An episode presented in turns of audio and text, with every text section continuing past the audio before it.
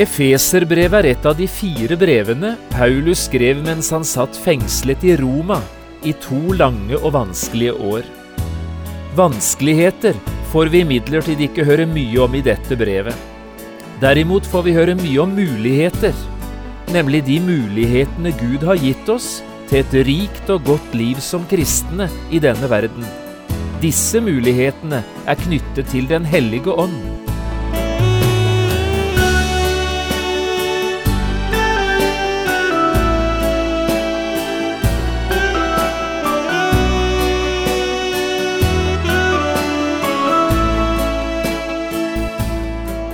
Hjertelig velkommen til et nytt program i serien Vindu mot livet. Programmet er produsert av Kristen Riksradio og blir ledet av Jon Hardang. Denne programserien er produsert med støtte fra Stray kjøkken.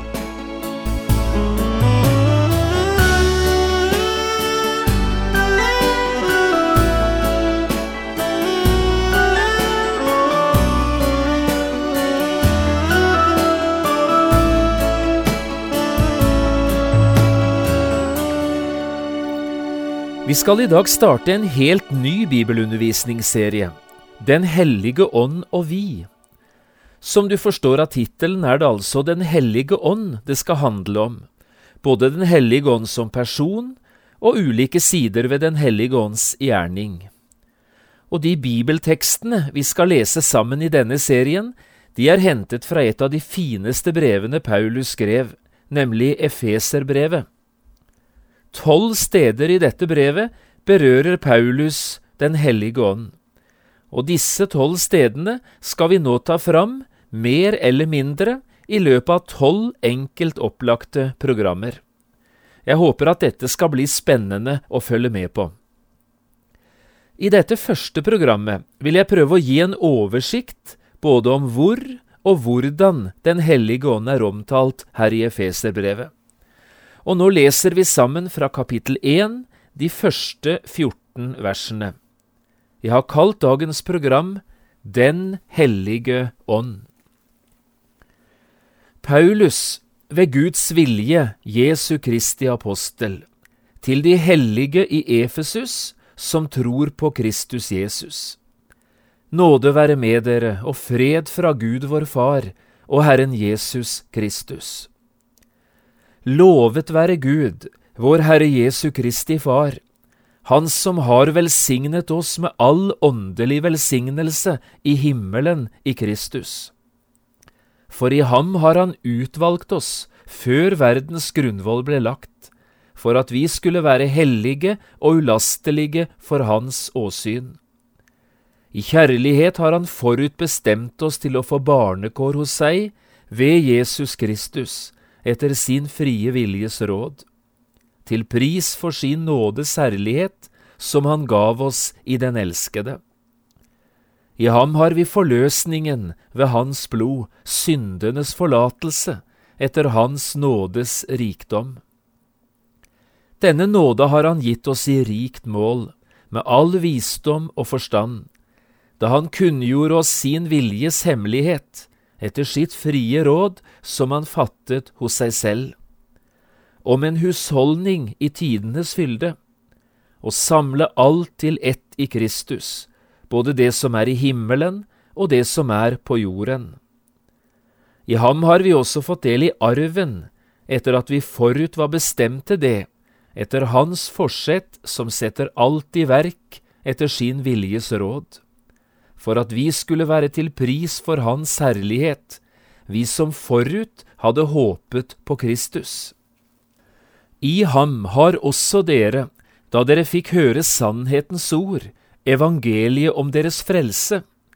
Ja, i ham har også dere, da dere kom til troen, fått til innseil Den hellige ånd som var lovt, han som er pantet på vår arv, inn til eiendomsfolkets forløsning til pris for Guds herlighet.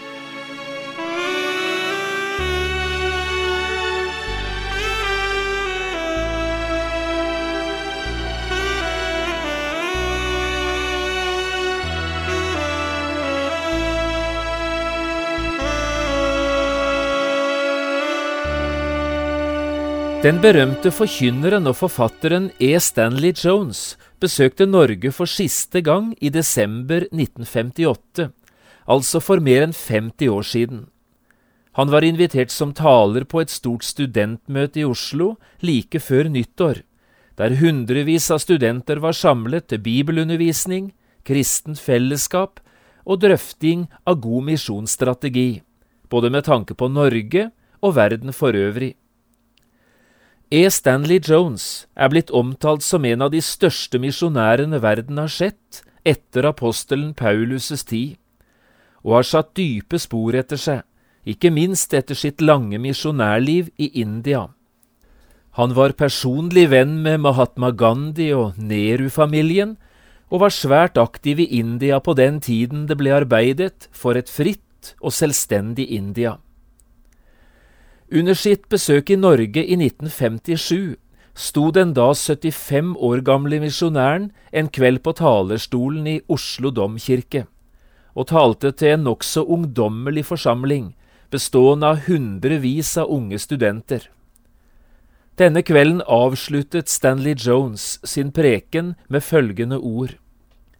My greatest wish and pray is that Jesus will find me working for him when he comes to take me home into his wonderful and glorious heaven. Mitt største ønske og min bønn til Gud er at Jesus vil finne meg opptatt med å arbeide for Han, den dagen Han kommer for å hente meg hjem og ta meg med inn i sitt vidunderlige og strålende himmelske rike. For noen få år siden besøkte jeg Sunnmøre like etter nyttår. Jeg var hovedtaler på et mannsmøte og skulle også tale på en nyttårsfest inne på Hareid. Det var i denne forbindelsen jeg overnattet hos Jorunn og Kjell Einar Jones, og det var denne kvelden Kjell Einar Jones fortalte meg om dette studentmøtet i Oslo, der både Jorunn og han hadde vært til stede, og avslutningsordene i prekenen hans hadde de siden aldri glemt. My greatest wish and pray is that Jesus will find me working for him when he comes to take me home into his wonderful and glorious heaven. Jeg tenkte da jeg hørte det, tenk å få ha det på denne måten, å leve hele sitt liv under det perspektivet. Jeg vil tjene Jesus så lenge jeg kan, og den dagen han kommer for å hente meg hjem, måtte han da bare finne meg fullt opptatt i tjenesten for han. Når jeg på denne måten nevner Stanley Jones sitt navn i begynnelsen av denne programserien, skyldes det likevel ikke dette studentmøtet. Det skyldes en av Stanley Jones sine bøker. Hjemme i mitt barndomshjem på Notodden hadde mor og far flere av Stanley Jones sine bøker stående i bokhyllen. Noen av dem var skrevet slik at de kunne fungere som andaktsbøker med en bibeltekst og et lite kapittel for hver dag gjennom et helt år. Nettopp dette gjorde at mor og far brukte mye disse bøkene i sine daglige morgenandakter. Selv har jeg bare én av disse andagsbøkene, og så har jeg i tillegg noen av de andre bøkene han skrev, og Stanley Jones skrev mange bøker. I hylla mi står Kristus ved det runde bord, Seirende liv og så den boken som ligger foran meg på skrivebordet i dag, Den hellige ånd og vi. Dermed forstår du hvor jeg har stjålet tittelen fra, også for denne programserien, Den hellige ånd og vi. Dette er altså samme overskrift som tittelen på en av E. Stanley Jones sine bøker. Men du trenger ikke være redd. Jeg har ikke stjålet mer enn tittelen. For hvis du har lest en eller flere av Stanley Jones sine bøker, ja, da vet du godt at det å kopiere innholdet i den mannens bøker, det er det ingen i verden som kan. Til det er hans forfatterskap altfor originalt, og i mange tilfeller også altfor krevende. Så nå forlater vi Stanley Jones og tar bare med oss boktittelen Den hellige ånd og vi. Og så går vi i stedet til apostelen Paulus, og til et av hans aller mest strålende brev, nemlig Efeserbrevet. Brevet til menigheten i Efesus består av seks kapitler, fordelt på 155 vers. Dette brevet er et av de fire såkalte fangenskapsbrevene som apostelen Paulus skrev mens han første gang satt fengslet i Roma, et fangenskap som skulle vare i to lange og vanskelige år. Men eh, det er et brev helt uten sorg og klage. Ja, faktisk også et brev uten en eneste kritikk av forhold i menigheten i Efesus. I dette brevet finner vi bare forkynnelsen av Guds store og overveldende evangelium, kombinert med en masse konkret oppmuntring til sunn tro og hellig kristenliv. Med rette tror jeg Efeserbrevet er kalt På himmelske høyder. I alle fall har bibellæreren Adolf Bjerkreim brukt dette uttrykket om Efeserbrevet på himmelske høyder. Og dermed har jeg den første oppfordringen å komme med i denne sammenhengen. Nå vil jeg be deg finne fram Efeserbrevet i Bibelen, mens denne undervisningsserien foregår. Og så sørger du for å få lest gjennom dette brevet, ikke bare én gang, men kanskje flere. Og så suger du til deg all den næringen du bare kan for din tro og så tar du til deg all den oppmuntringen du kan ta imot, med tanke på et rent og helt og overgitt hverdagsliv med Gud. Det er altså i dette brevet at Paulus også har viktige ting å meddele når det gjelder sannhetene om Den hellige ånd, både hans person og hans mangfoldige gjerning. Og det er dette vi først og fremst skal være opptatt med i denne programserien. Den hellige ånd og vi. Hører du hvor fortrolig dette lyder? Det er nesten som det er to gode venner det handler om, Den hellige ånd og vi, altså du og jeg. Og det er nettopp slik Paulus vil ha oss til å tenke i dette brevet. Den hellige ånd er din beste venn, din mest trofaste følgesvenn i livet og din beste støttespiller i din tjeneste for Gud. Som jeg allerede har nevnt, møter vi Den hellige ånd omtalt på tolv forskjellige steder i Efeserbrevet, og det er nokså jevnlig fordelt utover i hele brevet.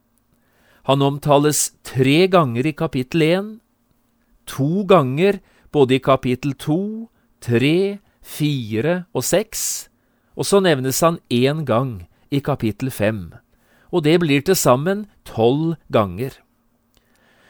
La oss nå prøve å bla litt igjennom Efeserbrevet, helt enkelt, og så peker vi på det Paulus her har å si om Den hellige ånd. Og så vil vi komme tilbake til de fleste av disse bibelavsnittene i løpet av programserien vi nå er i gang med. I kapittel én møter vi altså Den hellige ånd tre ganger. I vers 13, som vi leste i begynnelsen, sies det at Den hellige ånd er gitt oss som innseil. Og i verset like etter, i vers 14, står det at han er pantet på vår arv. Og litt lenger ned i vers 17, i kapittel 1, der kalles han for visdoms- og åpenbaringsånd. Prøv å merke deg disse tre uttrykkene. Sett gjerne også en liten strek under hvert enkelt uttrykk, ja, kanskje til og med et lite tall ute i margen, én, to og tre. Og i løpet av de seks kapitlene har du altså da markert for deg selv, ved hjelp av tallene én til tolv, hvor i Efeserbrevet du møter læren om Den hellige ånd. Det er på denne måten vi må studere Bibelen og det er på denne måten du kan hjelpe deg selv både til innsikt og til oversikt når det gjelder de bibelske sannhetene. I kapittel to møter vi Den hellige ånd to ganger. I vers 18 sies det at det er på grunn av Jesus vi har fått adgang til Gud i én ånd, står det. Og i vers 22 kalles Guds menighet for en Guds bolig i ånden. Her skriver du altså tallene fire og fem ute i margen, ut forbi vers 18 og vers 22. Også i kapittel 3 møter vi Den hellige ånd to ganger. I vers 6 står det om den store hemmeligheten. Det betyr sannheten om Guds menighet på jord. Den ble åpenbart for Guds hellige apostler og profeter, står det, ved Ånden. Og nede i vers 16, der ber Paulus om at Gud ved sin ånd må styrke de kristne i Efesus, i deres indre menneske.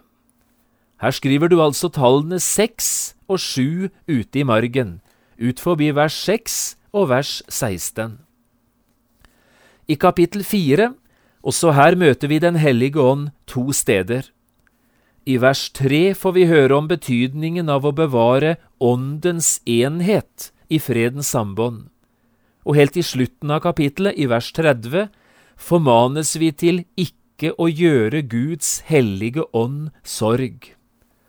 Her er det altså plass til to nye tall, tallene åtte og ni, ut forbi vers 3 og vers 30. I kapittel 5 hører vi om Den hellige ånd bare én eneste gang, nemlig i vers 18. Der står formaningen tydelig og klar, bli fylt av Ånden. Skriv tallet ti ute i margen, ut forbi vers 18. Og så i kapittel 6, også her møter vi Den hellige ånd to ganger. I vers 17 ber Paulus de kristne ruste seg med frelsens hjelm og med åndens sverd, står det, som er Guds ord. Og i verset etter, i vers 18, der kommer formaningen Be til enhver tid i ånden. Og her er altså stedene for de to siste tallene ute i margen, 11 og 12, ut forbi vers 17 og 18. Og her har du det, alle de tolv sannhetene omkring Den hellige ånd og vi, slik de er framstilt i Efeserbrevet. Plasserer du tallene i margen på denne måten, er det enkelt å finne fram til. Nå kommer vi ikke til å bruke like mye tid på hvert enkelt av disse tolv bibelstedene, men vi skal komme borti alle, og faktisk skal vi også si en god del ting om flere av dem, det kan jeg love deg, så det blir mye omkring Den hellige ånd i Efeserbrevet i disse programmene. Vi har enda noen få minutter igjen av dagens program, og denne tiden vil jeg bruke til å understreke og kanskje prøve å få på plass to viktige, ja ganske grunnleggende sannheter i Bibelen. Og disse to sannhetene, som har med Den hellige ånd å gjøre, de kommer begge tydelig fram i det bibelavsnittet vi nettopp leste sammen. Ellers kommer vi ikke til å kommentere dette noe særlig mer. Se nå på vers 13 og 14 i kapittel 1. Kanskje skulle jeg lese det en gang til, så du får høre det. Paulus skriver det slik.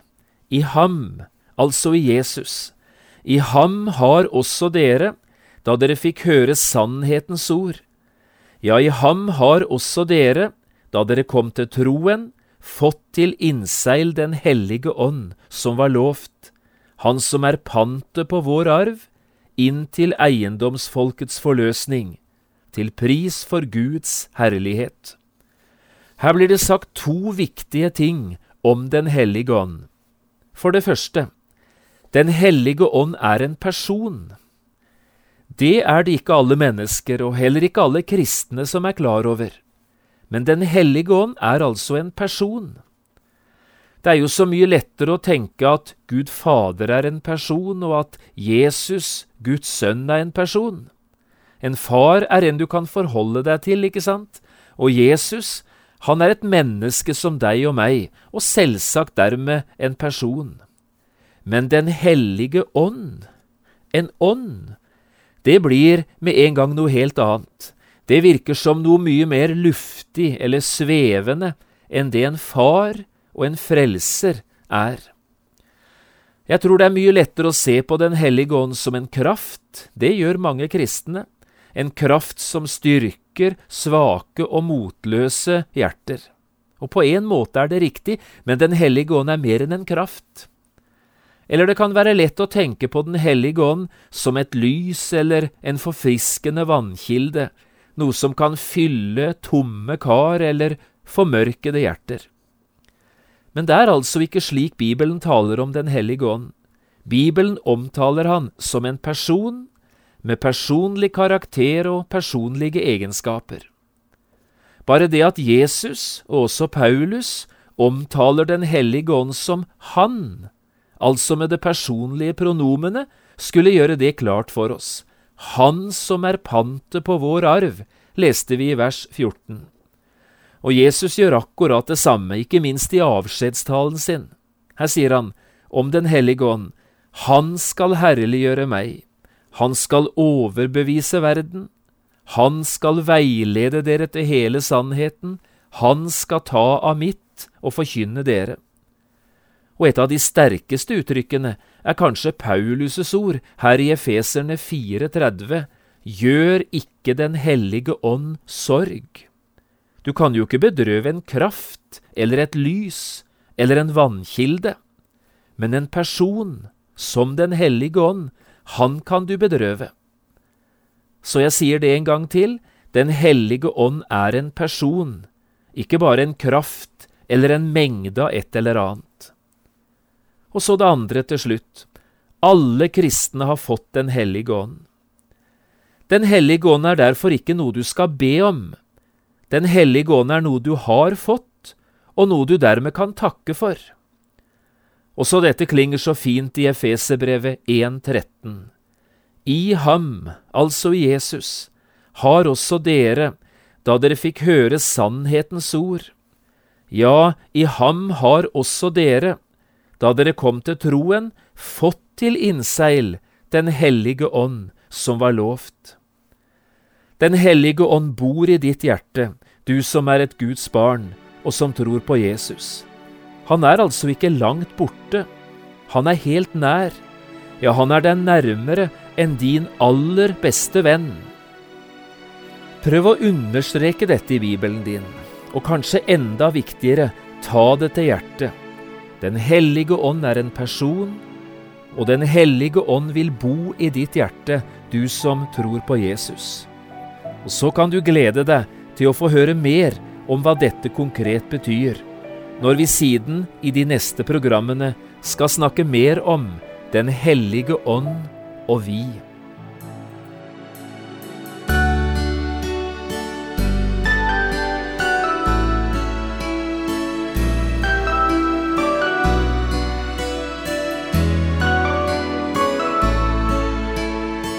Du har lyttet til et program i serien Vindu mot livet med John Hardang. Programmene i denne serien kan også kjøpes på CD fra Kristen Riksradio, eller høres på internett på p7.no. Har du spørsmål eller kommentarer til det du nå har hørt, kan du ta kontakt med oss. Adressen er Kristen Riksradio, Skiene 2, 5353 Straume. Eller send en e-post vml alfakrøll p7.no. Takk for i dag, og på gjenhør.